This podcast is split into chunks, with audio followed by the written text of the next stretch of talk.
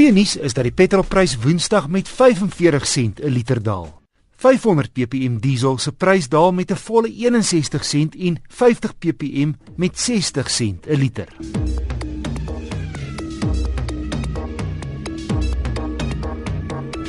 In die vorige geslag Corolla was die topmodel 'n 2 liter turbo diesel. In die nuwe 11de generasie kom die dieselmodel met 'n veel kleiner 1.4 Was dit 'n slim skuif van Toyota? Maar eers meer oor die voorkoms reg van voor besige lyne, maar in die geheel nogal elegant. Die duurder van die twee diesels, die Prestige, kos 262500 bokke. Die paneelbord is funksioneel.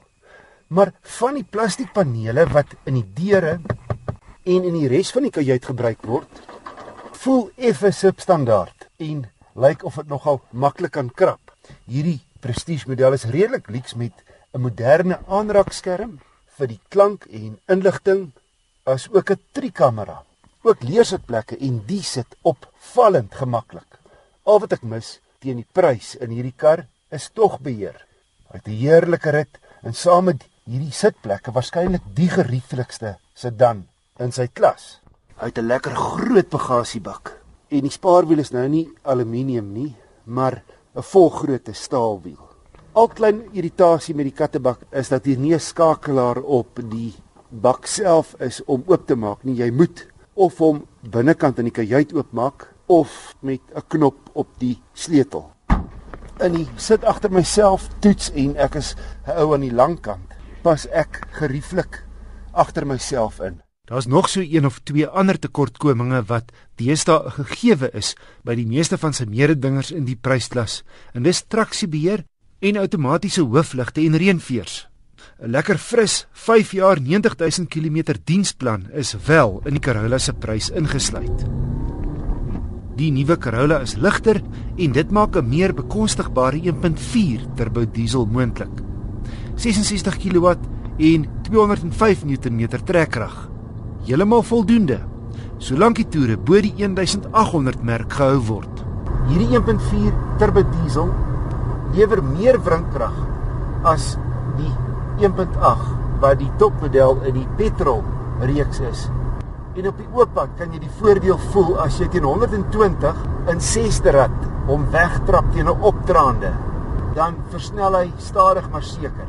En dit sou jy nie met die 1.6 petrol wat ek vroeër getoets het of 1.8 kon doen nie jy sou moet oprat na 5de en dalk selfs 4de rad toe in die geval van die 1.6. Dis 'n gesofistikeerde kragbron. Hier loop mooi stil vir 'n diesel en vrek suiwig. My stad ooppad gemiddeld was 5,4 liter per 100 km of dan 1000 km op 'n tank. 'n Ander uitstaande kenmerk is die gladde rit. Die suspensie hanteer rowwe paaie baie goed sonder dat hantering lomp is. Om op te som, ek twyfel of die Corolla 1.6 turbo diesel Prestige met die motor van die jaar titel gaan wegstap. Hy's een van die 11 finaliste. Want hy verskuif nie grense nie. Corolla eienaars en glo dit of nie daar word twee Corollas elke minuut van die dag wêreldwyd verkoop. Hou van die meer konservatiewe aanslag en stel betroubaarheid hoog op die prys. Tog is die nuwe Corolla meer begeerlik as die vorige geslag.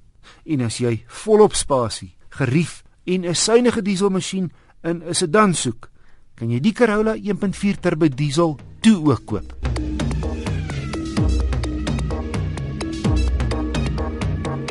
Dis my wenk van die week.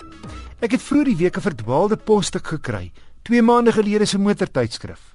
Wanneer poskantoorwerkers weer begin werk, selfs oortyd en naweke, is daar steeds 'n 3 maande agterstand wat letterlik soos 'n berg lê om uitgesorteer te word. So besef ek onlangs heel toevallig dat my kar se lisensieskyf vandag verval. En net gister het ek met verlede jaar se kwitansie, dis die uitgedrukte bladsy minus die skyfie op jou kar se venster, die saak gaan uitsorteer. Die punt is, jy gaan nie jou jaarlikse aanmaning deur die pos ontvang om jou te herinner nie. My raad is, stap na jou voertuig en kyk wanneer die lisensieskyf verval.